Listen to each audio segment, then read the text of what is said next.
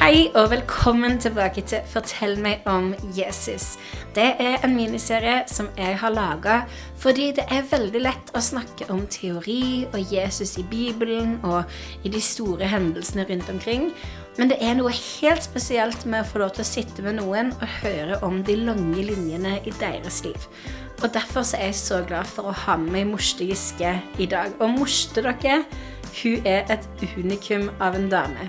Hun er et fyrverkeri både i personlighet og i fargevalg i klærne sine. Veldig stilig. Hun driver en skjønnhetssalong ute i Ålesund sentrum. Men mest av alt så er hun overgitt til Jesus. Hun elsker Jesus med alt hun er, og det er ingen jeg vet om som gjør det lettere å prate om tro med andre enn Morste.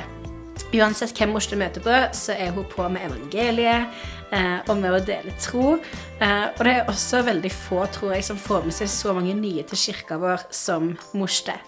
Og jeg er veldig interessert i å høre mer om hennes liv. Hun ble nylig kåra til årets Jesuskvinne. Hun er rett og slett Miss Universe her i Ålesund sentrum. Så Morste, tusen takk for at du er her. tusen takk. Wow! For en Tusen takk. jeg syns det er veldig spennende, fordi jeg kjenner jo deg eh, ok godt. Vi har mm. vært rundt hverandre lenge. Men jeg har aldri hørt deg faktisk dele eh, historien om ditt liv og med Jesus. Så jeg gleder meg veldig til å få høre om din reise. Og tusen takk for at du tar tiden i en travel uke til å sitte her og prate med meg. Selvfølgelig. Vet du hva? Hvis du spurte meg om jeg kunne fortelle om meg sjøl eller andre ting, da skulle jeg sagt nei. Men når du spør om meg om å fortelle noe om mitt liv med Jesus, da er jeg klar. Alltid. Fantastisk. Ok, Så hvis jeg spør deg om å fortelle meg om Jesus i lys av ditt liv, hvor er det naturlig for deg å starte da? Kanskje jeg kan fortelle litt min bakgrunn, hvordan det var det. Fordi jeg er oppvokst i en uh, muslimfamilie. Stor familie fra Iran.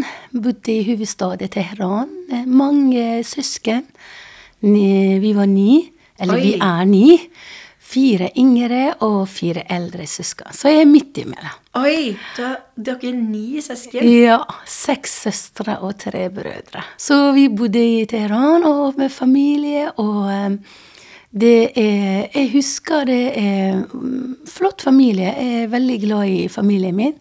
Eh, mamma og pappa og eh, ja, familiesøsknene mine. Og vi hadde det bra.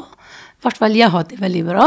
Tils eh, kanskje litt tidlig i unge alder, kanskje fra ni år, ti år, så begynner å tenke litt på eh, hva er det mening med livet? Jeg tror det er noe som alle tenker på. Og så husker jeg det ble det lengsel, det ble mer og mer. Jeg tror 11-12-åring som jeg var. Da var det så tenkte jeg hva som skjer når jeg dør? Eh, blir jeg fisk eller blomst? Ja, det er sant. Hva er det som forsvinner for alltid? Og selvfølgelig, jeg vokste i muslimfamilie, hørte veldig mye om ting som skjedde i Iran med når revolusjonen forandra seg, og islam kom litt mer inn i barnet. Jeg vokste i en sånn familie hvor mamma var ja, hun var litt sånn troende muslim, men pappa var ikke, så vi hadde frihet å velge. Så um, for meg var det sånn uh, Det ble litt for fort, faktisk. Jeg bestemte meg det er, det er ikke noe for meg. Og jeg så det veldig klart og tidlig hva er det religion var, hva er det eh, frukten av det var det. Så jeg jeg også så at jeg, jeg følte Gud var en som en, eller en, en sint mann, en helig, eller en sånn Sitter der oppe og venter bare og dømmer, og jeg må være perfekt, jeg må gjøre det og det og det. Så da følte jeg veldig for tidlig i livet mitt at nei, jeg klarer ikke. Jeg er ikke langt ifra, så da er det bare å bedre bare å sette sida. Wow. Så jeg var ikke noe. Jeg var eh, ikke noe. Så prøvde jeg jeg ikke skal klare sjøl. Jeg skal klare livet mitt sjøl. Jeg trenger ikke noen.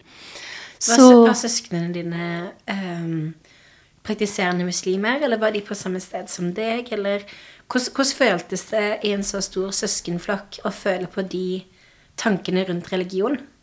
Ja, de som var yngre, de var litt sånn ja, i sin egen verden. Det var ikke noe sånn spesielt, da. Eh, det var ikke noe som vi var tvungen å være med til moské eller faste eller gjøre ting. Det var litt sånn på en måte fritt. Mm. Men uh, jeg husker det var kanskje enesøstera mi, som er yngre enn meg, hun var litt mer, da. Hun var litt sånn Prøvde å gjøre i hvert fall det som er ja, mange gjerninger, å gjøre det for å skjønne at hun er Men jeg så den var mer og mer deprimert og lei, og det var ikke noe sånn uh, Ja.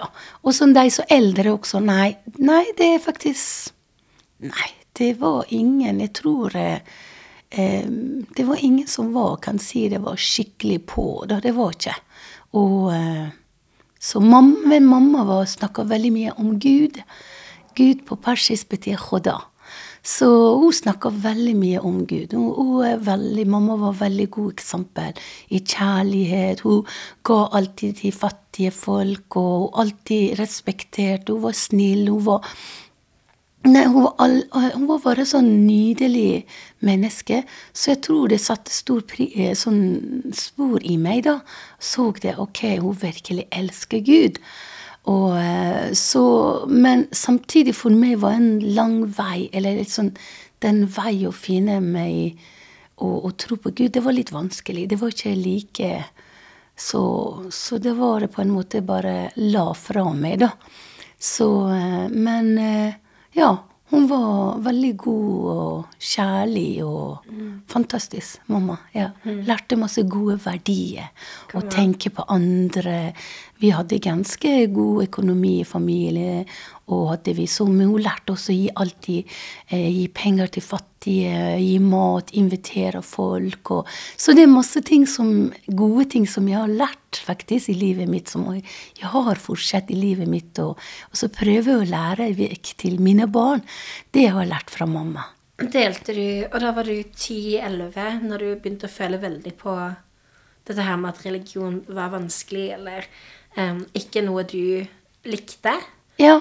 Det, delte du det med noen, eller var det bare noe du følte på sjøl? Nei, det er, det er Vi først og fremst var mange søsken. Huset vårt var fullt hele tida. Det skjedde hele tida. Folk inne og ut. Og det er fine vær. Vi, vi er ute.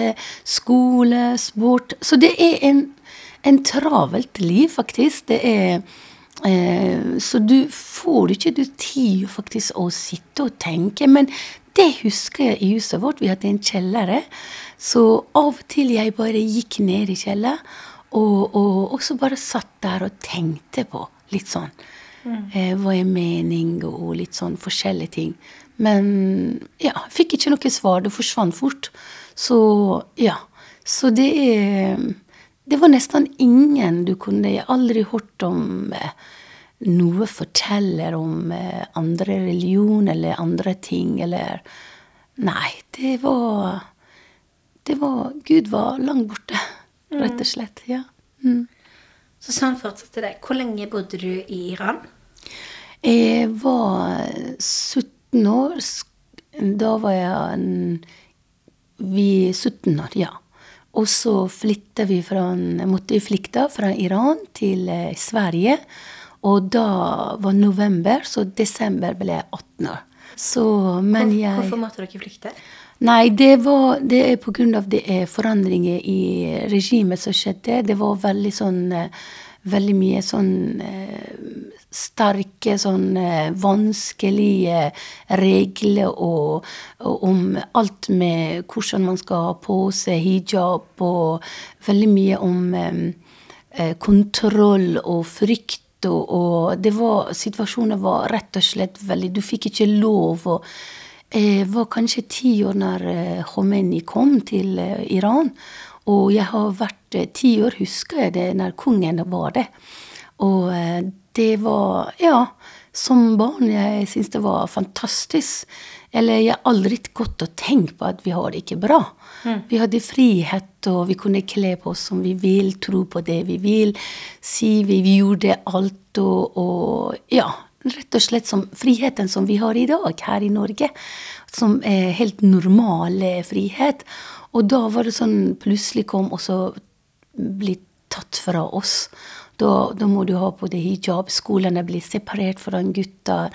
Eh, masse ting. Fikk ikke lov. Jeg gikk på sånne sportgreier, og da måtte jeg slutte fordi jeg var jente. Og eh, masse ting. Det ble forandringer. Store forandringer. Så eh, da kom etter hvert veldig mye sånn kontroll eh, moral, politiet på gata hele tiden, passer på hvordan du har håret ditt ikke skal vise, sminke du har ikke på. Så det blir det mer og mer fokus. En gikk på helt andre ting. Ja. Og så det ble det også. Da var det også at jeg Vi så det vi Hva vi har mista, på en måte. Hva vi har um, hatt og hva vi har uh, mista så der Khomeini kom. Så det var veldig tøffe tider vanskelig. Og, og, og, så var det sånn at vi fikk ikke lov å være glad, f.eks. ute. Fikk, Hæ, fikk, fikk ikke være glad? Nei, du fikk ikke uh, synge eller uh, høre på musikk eller uh, Ja, det var hele tiden var noe som kontrollerer deg. Hele tiden noe passer på deg. Så jeg husker det var sånn bursdagsselskap vi skulle da. Og, og så da tok jeg med meg bror min og søskenbarnet mitt. Vi skal på en bursdagsselskap. Veldig så når vi kom dit, og, og, akkurat var vi litt sånn Skal vente på maten skulle komme, og skal vi glede oss og spise og sånn og sånn. Og det var familiefest, faktisk var det familie. Og da kom det inn moralpolitiet og tok oss alle sammen. Hæ? Busser utenfor, kvinner og barn, menn. Og, og den tida vi hadde ikke mobil å ringe, vi hadde bilen til pappa. Og jeg visste ikke hvor det hadde blitt med mine, min bror og søskenbarna. Jeg visste ikke hvor, hvor, vi skal, og vi fikk en bånd på øynene våre. Og vi visste ikke hvor vi på vei. Det var bare skremmende for en 16-åring. Det var helt grusomt. Det var bare, jeg husker det var bare hva er det som skjer? Hva vi har gjort galt? Jeg har ikke gjort noe. Bare på en bursdagsselskap. Det var ikke noe verken Det var um, bare musikk. Det var ikke noe alkohol eller noe sånn ulovlige ting inni det. Og, um, og, så viste det seg at vi kom til en uh, fengsel, en av de største fengslene i Teheran, Evin, og vi ble gikk vi gjennom lang korridor, og ja, historiekort. vi kom enden på grunn av et stort rom. Så vi alle, de bare satte oss alle der borte. Og vi visste ikke hva som skjer. Eh, hele natta vi satt bare på gulvet, og mange barn gråt, og det var helt forferdelig. Og, og vi hørte fra andre, andre som var satt på andre sånne seler også, da hørte vi rop og gråt og 'Jeg er uskyldig, hjelp og det var, det var bare grusomme. Det var bare helt forferdelig. Og jeg husker, jeg vet ikke hvordan den kvelden gikk over. På morgenen våkna vi, og da var det sånn Fikk de litt informasjon om oss, hvem vi er og sånn. Og da ringte de for familie. Så mamma og pappa måtte komme, og de måtte betale store penger, greier, og bot og og de måtte kansjonere huset, og det var masse ting. Og så tenkte jeg hvorfor? Vi har ikke gjort noe. Og, og så tillegg, de ville også slå oss. Eh, vi skal eh, få noe sånn eh, og jeg vet ikke, hundre slag, jeg vet ikke hva det var. det hvert fall, Men det viste seg pappa til venninna mi eh, var veldig rik, og han måtte kjøpe oss fri, alle sammen. Så han måtte betale masse penger. Og det var ikke nok. Vi måtte også betale. Og så ikke bare det nok. Vi måtte komme en gang i måneden igjen til rettssak og betale også noe. Og vet du hva, det, bare, det ble det at det var bare at det, situasjonen blir sånn Forsto ingenting. Hva er det som skjer? Men eh, Så der og da jeg bare bestemt meg. Jeg vil begynner å nesten Vil ikke hater å bo i Iran. Jeg vil ikke bo her. Jeg vil ikke ha noe eh, Ja. Det var, situasjonen var bare så vanskelig. Jeg tenkte bare jeg har ikke lyst til å være her. Det var sånn, Da var det bare Du nådde alt. Det var bare alt. Og det forstår jeg veldig godt hvordan er situasjonen i Iran nå. At ungdommene er så lei. De har ingen framtid, de har ingen håp. De er lei, og de vil ha frihet. og så, eh, sånn som har skjedd i kommet ut på gatene og frimodig og bare uten noe bare står framfor deg bare sier vi vil ha eneste vi vil ha friheten. Mm. Så det er høy pris, og mange av dem blir drept og eh, slått ned og, og fengslet, og, og, det er bare helt grusomt. eh, det er bare for at de vil ha frihet. Altså, dere ble fengsla som ungdommer fordi dere hadde vært på bursdagsfest og hatt det kjekt. Og skulle slås 100 ganger. Måtte, foreldrene måtte kausjonere huset for å kjøpe dere fri. For, for ei som har vokst opp eh, i Norge og i en fantastisk frihet, så høres jo det det høres, det høres jo ikke ekte ut. Ja. Altså, det er helt utrolig å tenke på. Husker du hva du Altså, selvfølgelig var det jo forferdelig å sitte der. Men, men husker du hva du tenkte når du satt i den fengselscella uten informasjon, uten det, det masse spørsmål, masse frykt. Frykt for livet, nesten. Ja. Hva er det som skjer? Når du ikke har gjort noe, og du blir sånn, hva er det jeg kan finne på? Og, og som en ung jente, det var bare sånn eh, livredd og for framtiden og, og Nei, det var, det var helt grusomt. Jeg husker det var at du vil rett og slett vil ikke leve. Det er jo sånn Ja, det var veldig sånn Helt forferdelig. Jeg, jeg vil jo tro altså at en um, Og det, det lurer jeg på, for en 16-åring som sitter i en sånn situasjon, og i en sånn hverdag, blir stoppa av alt folk lov til å gå på aktiviteter fordi hun er jente. Eh, moralpolitiet blir sinte hvis man er glad i gata. Altså Det må jo forme gudsbildet også. Ja. Eh, og du hadde jo sagt at du ikke brydde deg om religion og ikke visste om det. Men, men, men hva gjorde det med tanken om hvem Gud eventuelt var, da? Å ja, nei, da tenkte jeg er det dette guden det jeg tror, også? da vil jeg ikke ha noe med det å gjøre. Og jeg var virkelig faktisk ble faktisk imot. For jeg snakka ikke stig om Gud eller noe sånt, men da, da husker jeg jeg var skikkelig ble opprørt. og og, og, og husker mamma sa det, jeg ble så sint på mamma. Og så mamma, hva slags gud er at jeg kan elske en barn, og andre hater det andre og ville drepe? Hva slags gud er som er sånn? Og Nei, men vet du hva jeg så? Det, det, det, det her, det, det Jeg vil ikke ha noe med det å gjøre. Og jeg nesten bare holdt meg langt vekk og ble sint og vil ikke ha noe med Gud å gjøre. Det, det var det, det er sant du sier det. Du får en sånn avsmak av Gud, og eh, holdt det langt vekk, og du vil ikke høre noe. Så det var det på en måte sånn Det gjorde det faktisk verre. Ja. Og, og dette her skjønner du er 16. Når du er 17, så flytter dere, eller flykter, til Sverige. Hvordan, var, hvordan var det å forlate landet sitt og den prosessen der? Det var Jeg tror det på en måte sånn Det starta når vi så de situasjonen var så bare verre og verre. Og, og jeg tror det er mange har det sånn per i dag, som er De bare lengsel og drømmer om frihet, å komme og leve i et fritt land og leve fritt. Og den bare vokste mer og mer. Og den tida søstera mi og mannen hennes bodde de i Sverige med barnet sitt. Og da var det, tenkte vi at oi, tenk kanskje vi kan reise, ja, komme ut av landet. Den tida min bror, eldstebror, husker jeg studerte i London, og min andre bror var utenland også. Så det var litt sånn, på en måte, den her eh, tanken. Jeg tror alle iranere på en måte har denne tanken. At tenker jeg flykte herifra, og selv om det er hjemmelandet, ingen vil det, da. Så da begynte å vokse mer og mer og mer, og så bare tenkte vi så vi snakket litt sammen, og da bare ble det litt mer og mer. Og søstera mi sa kan jeg komme hit, og min bror sa vi kan ordne. Og pappa sånn, hadde restaurant, så du måtte selge restauranten. Vi hadde hus, vi måtte selge huset vårt.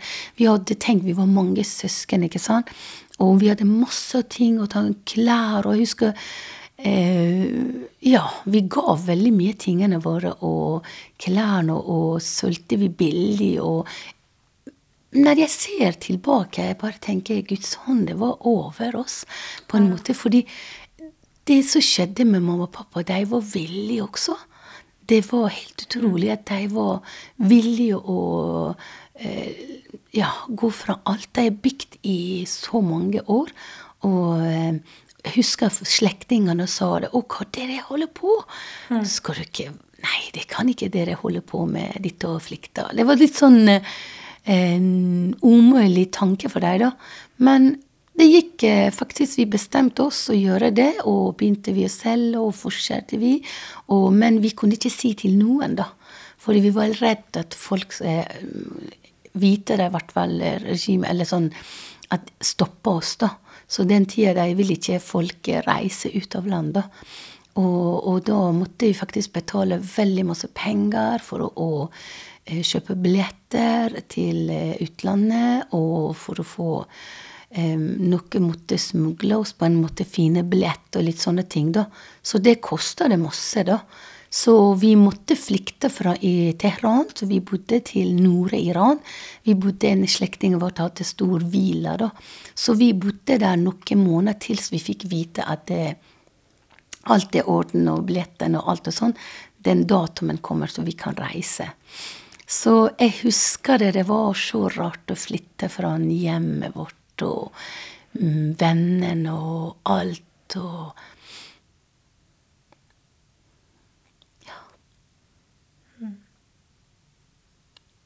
Så, men den drømmen om frihet og drømmen om noe bedre, det var sterkere, faktisk. Og det gjorde at vi bare tenkte ok, så det er en pris å betale. Så til den dagen vi fikk vite at det ordnet og sånn, og, og jeg var livredd når jeg var på gata, fordi jeg har ikke vært på rettssak og betale penger og sånn på flere måneder. Så jeg var livredd de stoppa meg, og så kanskje de har navnet mitt, jeg, var, vet ikke. Og tenkte jeg stopper med å få eh, fengsla meg, eller Skjønner du hva jeg mener? Det var sånn så, så, jeg var fylt av frykt, på en måte, da. Mm. Og eh, Så det mm. Hadde du et, et håp om at en, et realistisk håp om at det kunne være annerledes?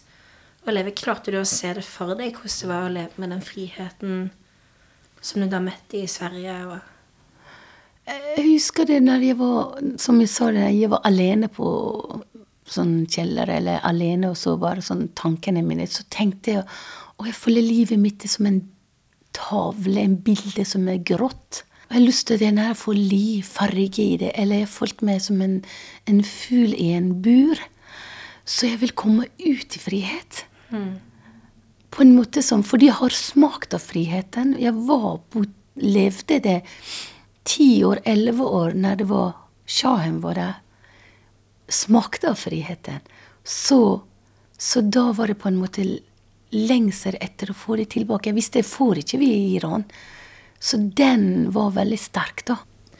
Kan du huske For det var jo en lang periode da du levde med et sånn adrenalin i kroppen hele tiden. Mm.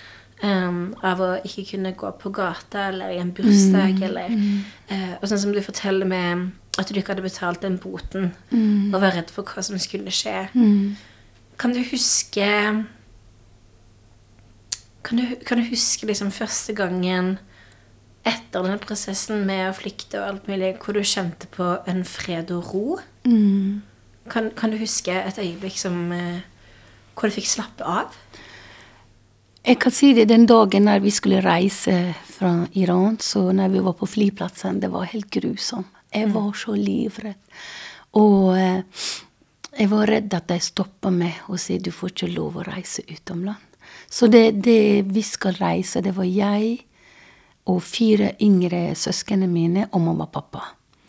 Og jeg tok ansvaret for Jeg var ansvar for alt. Penger og pass og alt og sånn. Og jeg har aldri vært utomland. mm. eh, bare i Iran. Og um, kunne veldig lite engelsk, ikke så mye, så da fikk jeg ansvar. Og jeg husker den dagen når vi skulle reise, jeg var så livredd, jeg var så redd. Og, um, og da husker jeg Da ba jeg for første gang til Gud. Wow. Ikke Allah, til Gud. Så sa jeg, Gud, hvis du hjelper oss å komme ut av Iran, jeg skal tro på det. Wow. Det, det, var helt Når jeg tenker på tilbake, jeg tenker selv om jeg som vil ikke ha noe med Gud å gjøre, og hate og alt og Men noe inni meg Jeg tror det finnes noe i alle mennesker.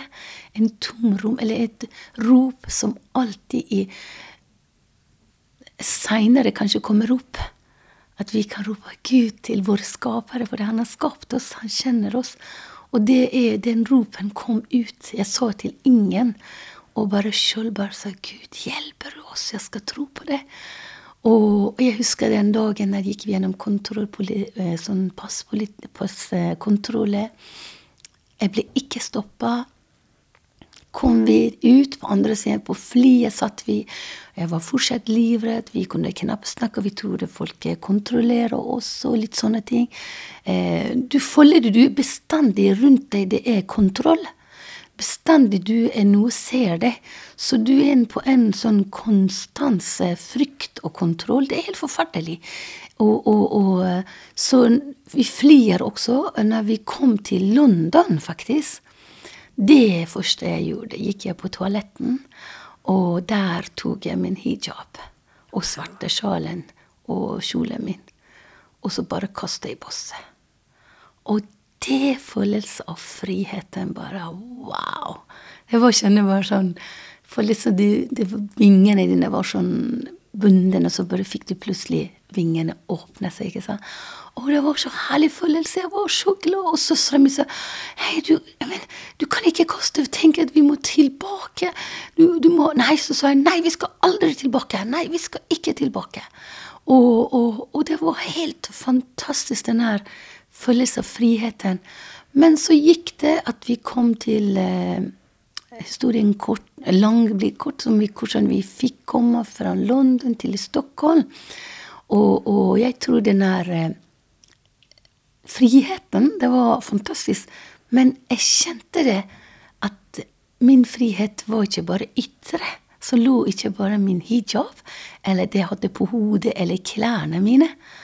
Det var noe innsida. Mm. Jeg merket noe som var tomt, og noe bundet inni meg. Som er, selv om jeg kom til et nytt land, eh, nye muligheter, nye frihet, nye ting, fortsatt hadde jeg i, i meg, bærte med meg. Og, og, og jeg merket det så sterkt at det, det var litt rart. Nå skal jeg lære språket, nå skal jeg bygge Eh, begynne med nytt liv og studere og gifte, og det, det, det bare livet står foran meg. Men det så jeg veldig sånn Den tomheten ble større og større. Og, og, så prøvde jeg å skjule med andre ting da hele tida. Og uh, fylle med andre ting. Og um, ja, det var det. Og så husker jeg vi kom på en asylmottak. Vi bodde der alle sammen, og vi venta på å, for å få ja, eh, oppholdstillatelse for å få flytte til en ny by eller hus eller sånn vi skal starte å studere eller skole, lære språk. Og eh, når vi var der, og jeg kjente det bare at eh, Det ble faktisk verre for meg. Jeg bare tenkte at jeg ville ha ekte. For jeg ville ha det og det og det og det. Eh, men etter, etter hvert jeg, ville ha en sånn ekte glede. Mm. Jeg ville ekte kjærlighet. Jeg ville ekte sånne ting som er vare. Ikke bare sånn 'jeg må gjøre det', og så forsvinner og Er det noe mer? Mm. Det var litt sånn Vil jeg leve, vil jeg leve for noe verdt og bra? Vil jeg dø, vil jeg dø for noe som er bra verdt? Men hva er det? Det var så mye spørsmål jeg hadde. Det var så mye urolige tanker. Det var bare sånn Ja. Hvordan var, det, hvordan var det å bo på asylmottaket? det var ikke bra. Det var ikke bra. Vi bodde i Teheran, stor by, og varmt og flott, og så kommer du i Stockholm var vi først. Det var greit, stor by og sånn. Jeg husker det var kaldt vinter. Mm -hmm. Desember, og var kjempekald, og mye snø. Og, og, så kom vi på asylmottaket. Det var langt igjen eh, Hakfors. Det var sånn en skog langt borte borte. Det er sånn, sånne uh, hyttegreier var det. Masse hytter. Og jeg tror på den byen var bare en butikk, var det. En kiosk var det. Du, må, du, så nesten ingen mennesker. Tenk, du kommer fra en stor familie, stor by og alt, og så plutselig kommer du i et land, og så var mørkt. Klokken tre var mørkt. Og masse snø og kaldt. Det skjedde ingen Du så ingen mennesker. Det var bare hva er det som skjer? ikke sant?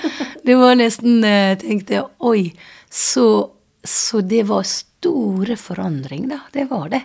Men jeg kjente at jeg er veldig glad i musikk og dans, og jeg er veldig glad i jenter. var sånn, Veldig sosial. Men jeg kjente at jeg hadde ikke lyst. Jeg er lei. Jeg, jeg, jeg er trøtt av, av, av det alt jeg må gjøre, eller skape, eller det som Og så forsvinner. Mm. Jeg, jeg har lyst på noe sånn skikkelig ekte, da.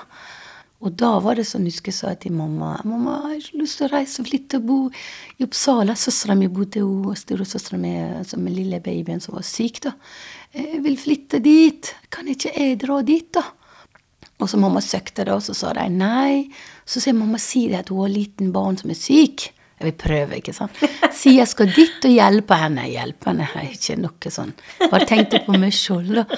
Og mamma spurte igjen. Jeg tror tredje gangen da sa jeg ja til. Wow. Så reiste vi med tog til Uppsala. Åh, ja. Fantastisk. Ja, det var helt Og du hadde jo, du hadde jo gitt um, Gud løftet på flyplassen. Ja. Da skal jeg tro Ja, på det deg. glemte jeg fort. da. Ja, det glemte man fort. dessverre. Det er av og til Ikke sant, når det er sånn Gud, Ja, Og så ja, ja. kommer det ferdig, du, og det glemmer du det. Ikke sant? Husker du når, når var neste øyeblikk med Jesus, eller hvor du tok Ja. imot Jesus for livet ditt? Når var det? Ja, når vi kom til Uppsala, da bodde jeg med søstera mi og hadde et liten barn som var syk, så skal jeg hjelpe henne. Men jeg hadde ikke sjøl fred, og jeg hadde ingen kjærlighet sjøl. Og jeg var veldig fortvilt og klarte ikke å sove godt, og masse tanker hva som skjer, og veldig urolig og sånn. Og merket at det, jeg var faktisk til byrde til søstera mi istedenfor hjelp. Men hun hadde to venninner, svenske venninner, så de kom på besøk, og, og de var så snille.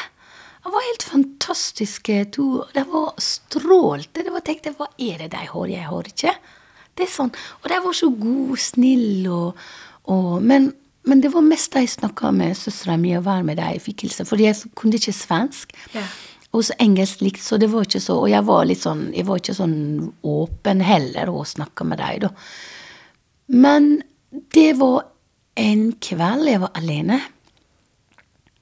Mm, Søstera mi var ikke hjemme. Da satt jeg på en trist musikk. Persisk trist musikk. Og, og litt sånn Da tårene kom og så ut på vinduet. Jeg så på himmelen, mørkt. Og så sa jeg Finnes det noe mer? Finnes det noe som kan fylle denne tomheten? Er det noe mer? Det var min andre gang som jeg ba til Gud, på en måte, da. Uten jeg visste det var en bønn, men jeg var ropte. Fineste? Er det? Kanskje noe som sitter her akkurat nå og hører. Kanskje det samme Føler på samme måte at du bare at innerst ikke sant, du bare Er det noe mer? Hva er det som jeg kan fylle denne tomheten min? Eller hva er det svaret? Hva er det? Hva er det sannheten, ikke sant? Og, eh, og det er Vet du hva Gud hører? Han ser, han hører, og han gjorde det. Og da etterpå de to damene kom og sa Morsen, nå har vi lyst til å snakke med deg. Kom de på fredag hjem til søstera mi, hadde med seg en dame som kunne tolke på persisk. Og så satt vi, og så sa det Og jeg var alltid var sånn Jeg hadde ingen fred og ro. Og så sitter jeg og så snakker om Ja, vi vil gjerne snakke om Jesus. Og da tenkte jeg nei, jeg vil ikke ha noe med religion å gjøre. Jeg vil ikke hoppe fra en hull til andre hull. Nei, jeg vil ikke ha noe. Men jeg er så glad jeg fortsatte å fortelle dem evangeliet, at det Jesus gjorde på korset, gjelder alle mennesker. Og det freden Jesus gir, ingenting i verden kan gi, så den kan du få. Og jeg husker den bare gikk rett i hjertet mitt. Og jeg kjente hjertet mitt bare banke skikkelig. Og, og, og da sa det Det er det. Det er det. Og hodet mitt Nei, det er ikke det. Og hjertet mitt Ja. Hodet nei. Og hjertet mitt sier ja, det er det. Hodet mitt sa hva mamma sier, hva pappa sier det. Det var sånn kamp jeg hadde. Det var så skikkelig sånn kamp. Hva er det? Men til slutt bare sa jeg, vet du hva? Det dere sier det. Dere sier Jesus lever, og han kan frelse, han kan hjelpe meg, og det og det. Det dere sier må være sant eller løgn. Ikke sant? Er det sant, du vil ha. Hva skal jeg gjøre? Skal jeg komme til kirke og tenne lys på? Sånn har jeg sett på sånn, sånn Det har sett på TV, som katolikker gjorde. Nei, nei, nei, to eller tre samler Jesus er der. Da kan vi Jesus er her. Men jeg skjønte ingenting, da. Jesus er her. Jeg ser ikke her. Jeg ser ikke han. Ikke sant? Nei, han er her, og, og kan, vi kan be en bønn.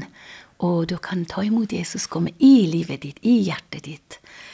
Og jeg, for å være ærlig, det var litt sånn uvanlig for meg. da, sånn, Jeg trodde jeg måtte gjøre masse ting først ikke sant, for å tjene. ikke sant? Og da sa de det er Guds nåde. Du kan bare ta imot, og, og be vi sammen. Jeg skal lukke øynene mine skikkelig hardt. fordi før jeg ba aldri, eller før jeg ba til Gud, jeg fikk aldri svar, så tenkte jeg nå skal jeg be skikkelig sånn, sånn kanskje. Lukke skikkelig øynene mine, og så ba jeg etter. Så det er Jesus. Jeg tror at du døde på korset for meg. Jeg tror at du lever. og Kom i hjertet mitt og bli min herre og frelse. Jeg vil tro på deg. Og sånn. Og det er min tredje gang som jeg ba til Gud. Og det skjedde noe. Og, og, og da sa jeg nå er du Guds barn, og du blir frelst, og Jesus bor i hjertet ditt. Eh, jeg skjønte ingenting, hjertet mitt og alt og sånn, men eh, hvert fall den kvelden jeg så veldig godt. Eh, på morgenen jeg våkna, jeg kjente den tomheten var bare vekk. Det er bare sånn at jeg bare tenkte det er annerledes. Og jeg gjorde ingenting. Jeg bare ba denne frelsesbønnen. Og på morgenen jeg så, når jeg så søstera mi og barna hennes, jeg kjente så synd om henne. Jeg kjente synd om barna som var syke, og søstera mi. Jeg tenkte stakkars. Og jeg tenkte hva er det som skjer med meg? Jeg gråter, hæ? Jeg, det, det hjertet som jeg var hard og egoistisk og Skjønner du det? Og så plutselig blir det sånn Å, jeg blir sånn Kjenner om strømmer mi og barna, og kjærligheten kom. Og det tenkte jeg dette var, dette var stort. Det var ikke meg. Og eh, ja, det var store forandring, faktisk. At eh, etter hvert merket min familie og, søsken og eh, Ja, jeg ble helt totalt Jeg bare, Jesus bare gjorde det. Totalt forandring. Han flytta i livet mitt. og tok vekk alt uro og, og alt og bare kom med Fylte meg med kjærlighet som er Og da skjønte jeg Jesus er veien, mm. sannheten og livet. Og ja, det er sannheten jeg leter etter. Da var det Jesus. Og det er så artig å høre at alle som søker og roper etter sannheten, da kommer ikke andre. Det kommer bare Jesus. Yeah. Han er livet. Så det er Sånn skjedde det. Mm. Hvordan så ba du, ba du etter det for deg sjøl? Altså, hvordan, hvordan, så det ut for deg å bli kjent med Jesus etter at du hadde tatt imot han, og du sier jo at du ble helt mm. forvandla. Mm. Eh, Totalforvandla mm. fra hvordan du hadde vært. Men, men hva, hva, gjorde du? Hvordan ja. Hvordan var det for deg? Ja, det, jeg syns det var så utrolig viktig. Jeg husker det. Jeg tenkte først De to damene de sikkert begynte å be for meg først. Og det vil jeg si til alle også. Har du barn, familie, mann eller nabo eller noe som jeg ikke tror på, begynn å be for deg. Fordi det begynner å skje noe. Ja. Og jeg er så overbevist de ba for meg. Jeg allerede var åpen. ikke sant? Gud har jo begynt å jobbe med meg. Jeg begynte å rope til han.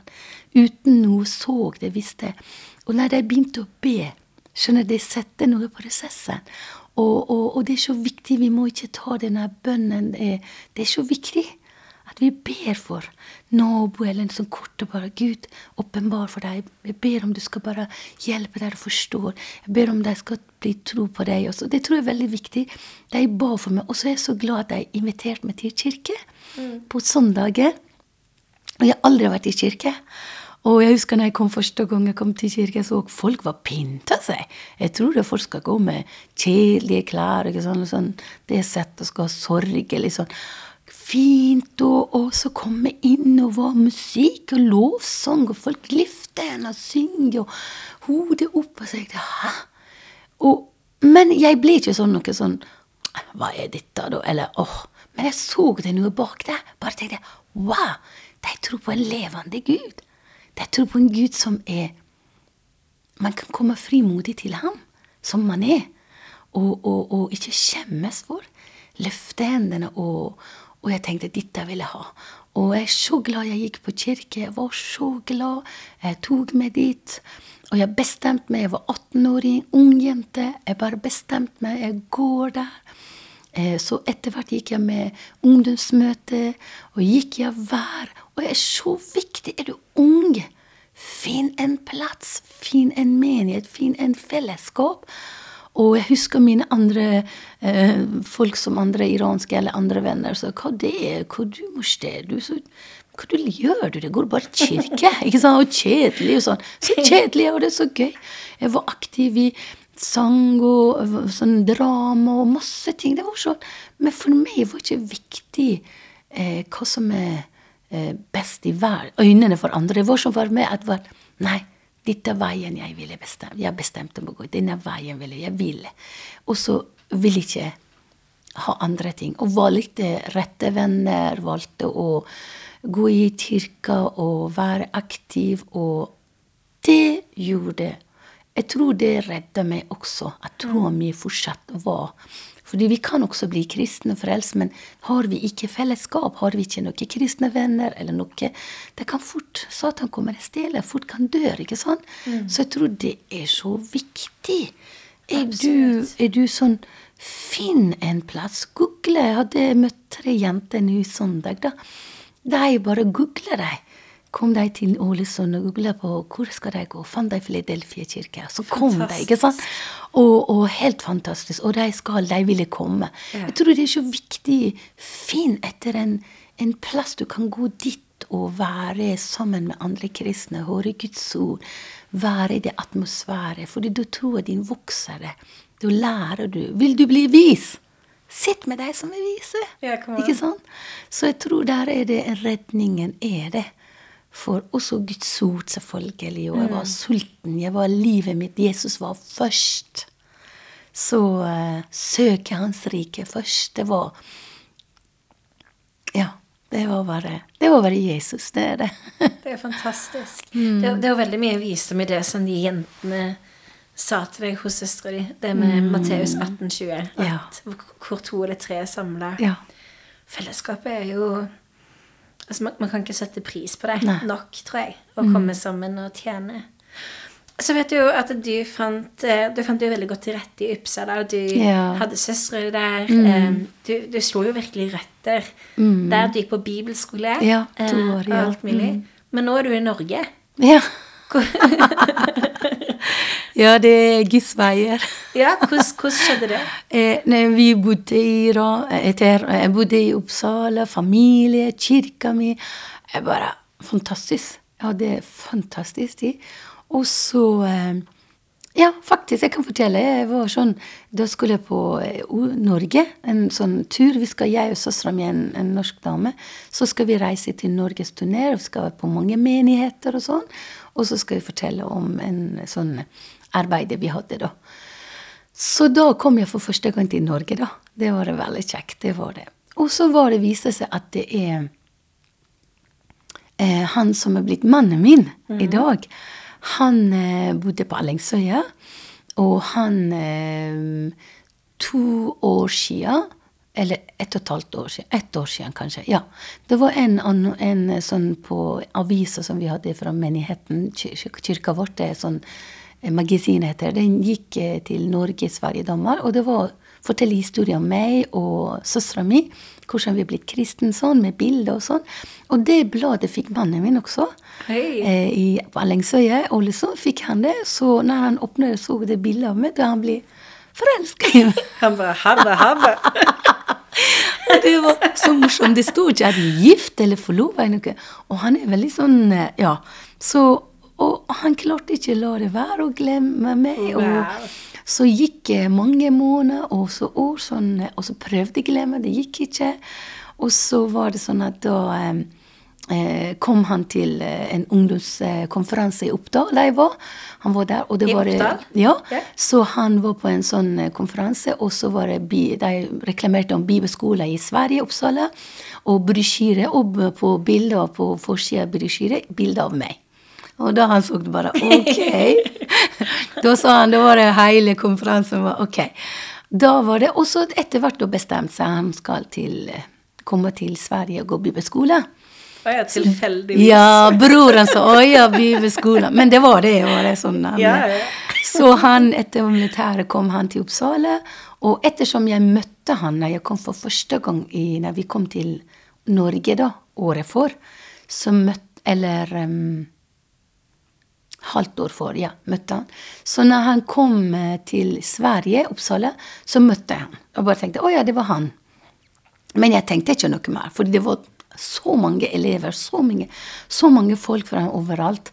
Så, eh, så jeg var veldig sånn Jeg skal ikke tulle med gutter. Jeg skal ikke rote med. Jeg skal gifte meg med den personen Gud viser meg. Jeg var veldig sånn. Jeg bare bestemte meg. Jeg skal være i, Ja. Eh, dele livet mitt det som er rette personer. Jeg heller ville være alene. sånn. Så, så jeg var veldig sånn, Og jeg var med ungdomsarbeidet og litt sånne ting. Så jeg ville være en eksempel også. Så um, det var veldig morsomme ting som skjedde innimellom. det. Ja, ja. I hvert fall, da møtte jeg han. Da møtte jeg han, og så tenkte jeg ikke noe mer. Og så går det halvt år, og så Veldig, veldig morsomt. Så skal, jeg skulle tolke på en tannlegeassistent for en dame fra Iran. Og så tolke, og så tenkte jeg jeg trenger selv gå til hustannlege lenge siden jeg vært der. Og bestilte time, fikk jeg mandag-time. Og når jeg kom, tenkte jeg oi, må jeg betale? Jeg visste ikke man kan betale etterpå. Oi, jeg får pengene mine i slutten av måneden. Og så hvordan skal jeg ta og betale? Mm, nå gikk jeg på det som jeg, hvordan det var med han, da. Ja, ja. Og så og så tenkte jeg, så ba jeg til Gud, du er min pappa, og du vet jeg trenger tennene mine. Må ha bra tenner. så du bare hjelper meg. Jeg vet ikke hvordan Jeg vet ikke. Og, og jeg gikk bibelskole, lærte å stå i Leve i tro. Eh, ikke å gå og ringe til mamma og pappa, og jeg trenger penger. Selvfølgelig. De sa hele tida, mamma sa hele tida. Er det noe trenger du, bare komme. Jeg bare bestemte meg skal bare bygge tillit og tro meg til Gud, og leve skikkelig sånn. Så jeg var sånn Nei, jeg skal ikke ringe til deg, jeg bare ringer til deg. Gud, Gud, jeg trenger du med pappa, hjelp meg. Og det var, Bibelskolen var veldig, veldig bra. Det er, sånn, det er ikke bare du lærer Bibel, og sånn, du lærer å 100 lite på Gud og leve i tro. Og, så det var veldig spennende. Og da var det på søndagen Jeg ba til Gud, ja, 500 eller 1000 kroner, jeg vet ikke.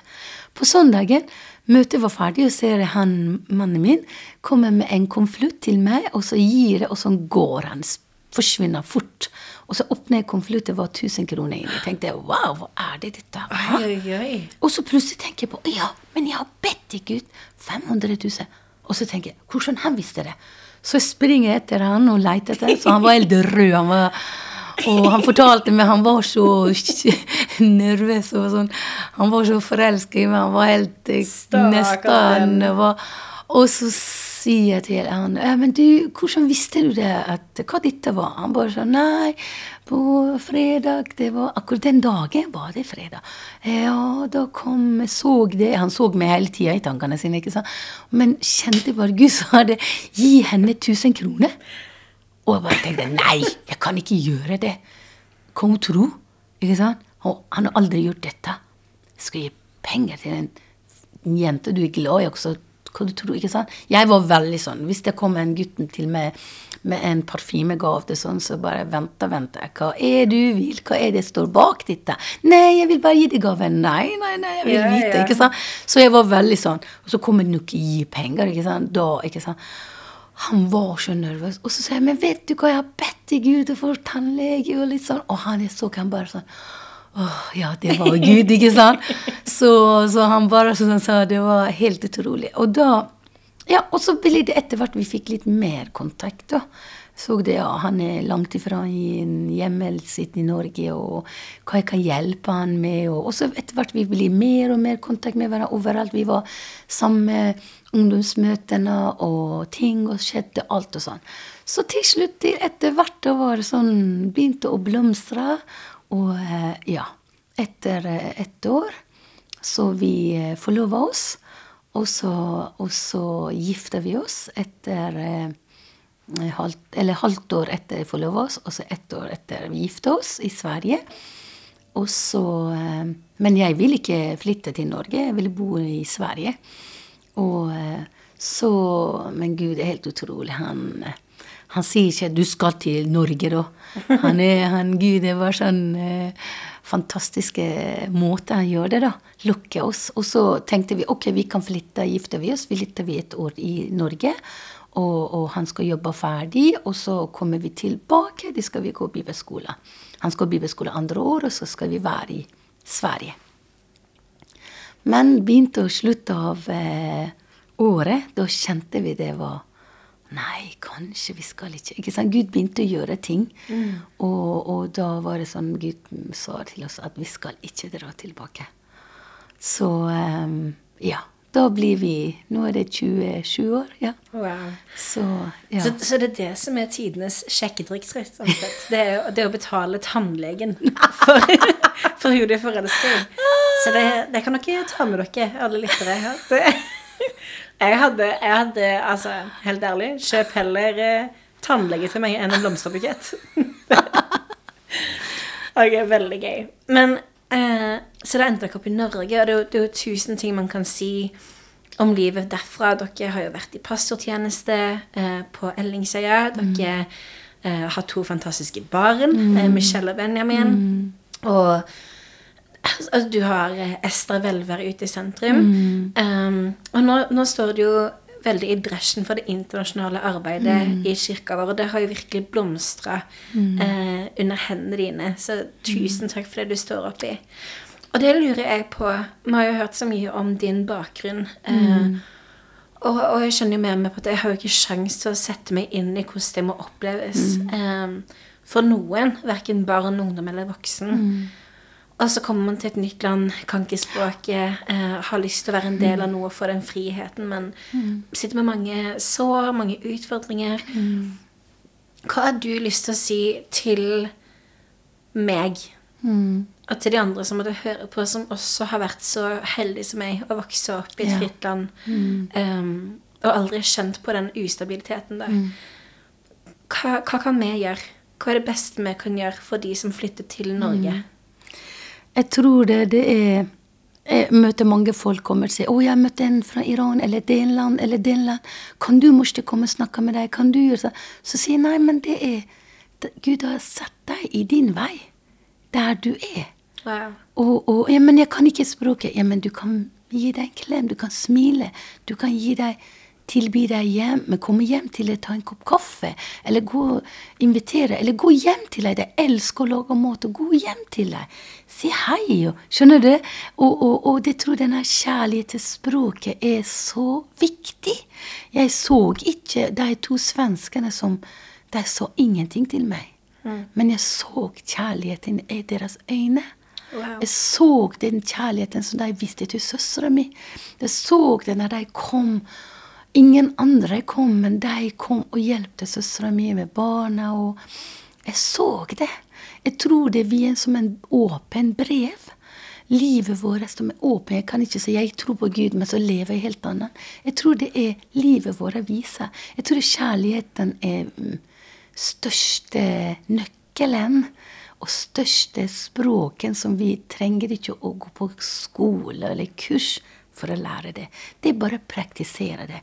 Jeg tror Det oppmuntrer. Jeg tror dere er heldige for å bo i et fritt land og alt friheten som er selvfølgelig for dere, som ikke per i dag er selvfølgelig for i hjemmelandet mitt, mitt land.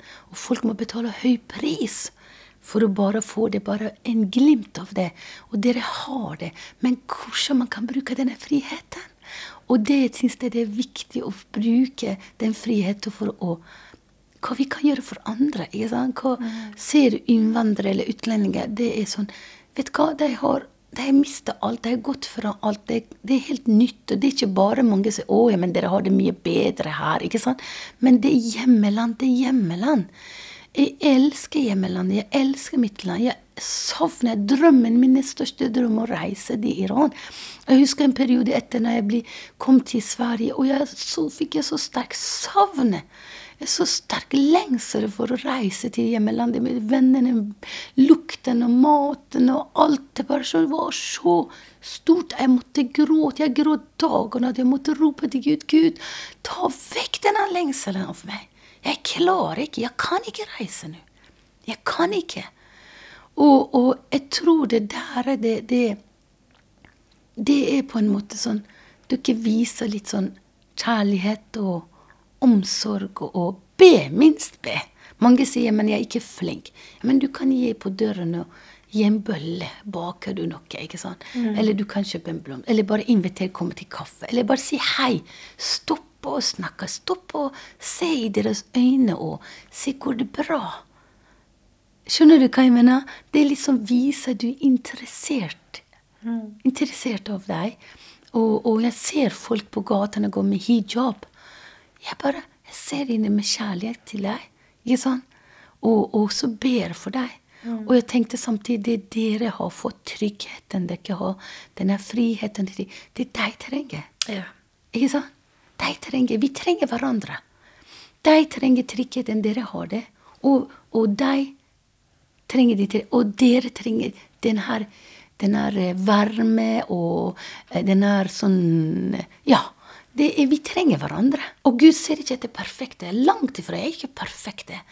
Han ser bare hjerte og villighet. Selv om du føler du elendig og sliten, så ser du noe og bare kan smile. Jeg går på gata og smiler. Folk sier 'Kjenner du denne?' Kjenner du den? Nei. Men du smilte, og de smilte tilbake. Ja, hvorfor ikke? Når du åpner åpen hånd, du kan gi velsignelse og få velsignelse.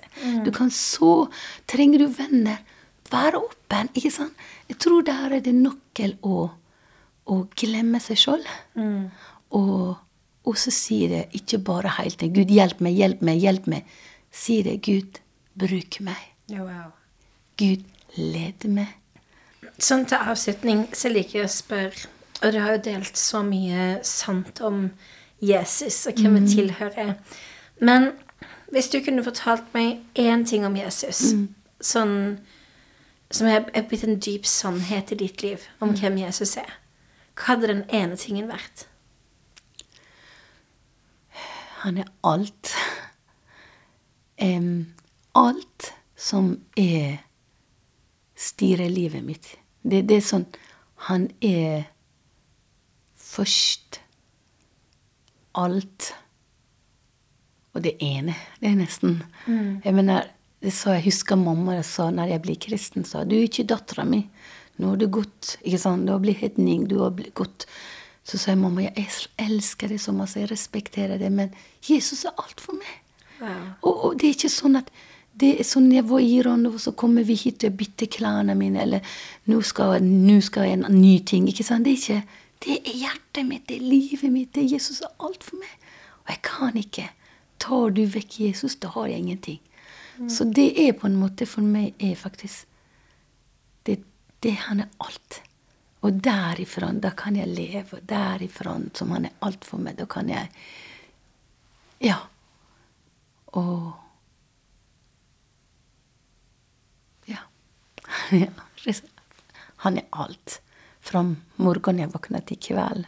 Fra mandag til søndag. Og han er herre. Han bestemmer. Selv om jeg hadde ikke lyst til å flytte til Norge. Men han bare på en måte, han Gud bare la hjertet mitt og villighet og sånn. Så jeg er veldig glad i Norge, det skal jeg si. Jeg er veldig glad i Norge. Jeg vil ikke tilbake til Sverige. Jeg er veldig takknemlig og elsker og elsker Ålesund. Elsker. Og så skal vi ha enda finere vær også, ikke sant? Kom, amen. Moshe, tusen, tusen takk for at du tok deg tiden til å prate med meg. Um, Takk Jeg selv. føler virkelig at jeg har fått så mye innsikt og inspirasjon, og det er så viktig å få lov til å ha en samtale med noen som har levd et annet liv. Um, og det du deler om den friheten og Ja, uh, at, Og det er jo det vi tror på, at fanger skal få sin frihet. Ja, amen. Um, og, det, og det er jo den Jesus vi tror på. Den som gir det. Så tusen, tusen takk for alt, eh, alt du er, og alt du gjør i kirka vår, i byen vår. Eh, Og for den samtalen her. Jeg er utrolig takknemlig og glad i deg. Takk. Tusen takk, jeg fikk lov å komme. Jeg er veldig glad i det også. Å, koselig. Takk.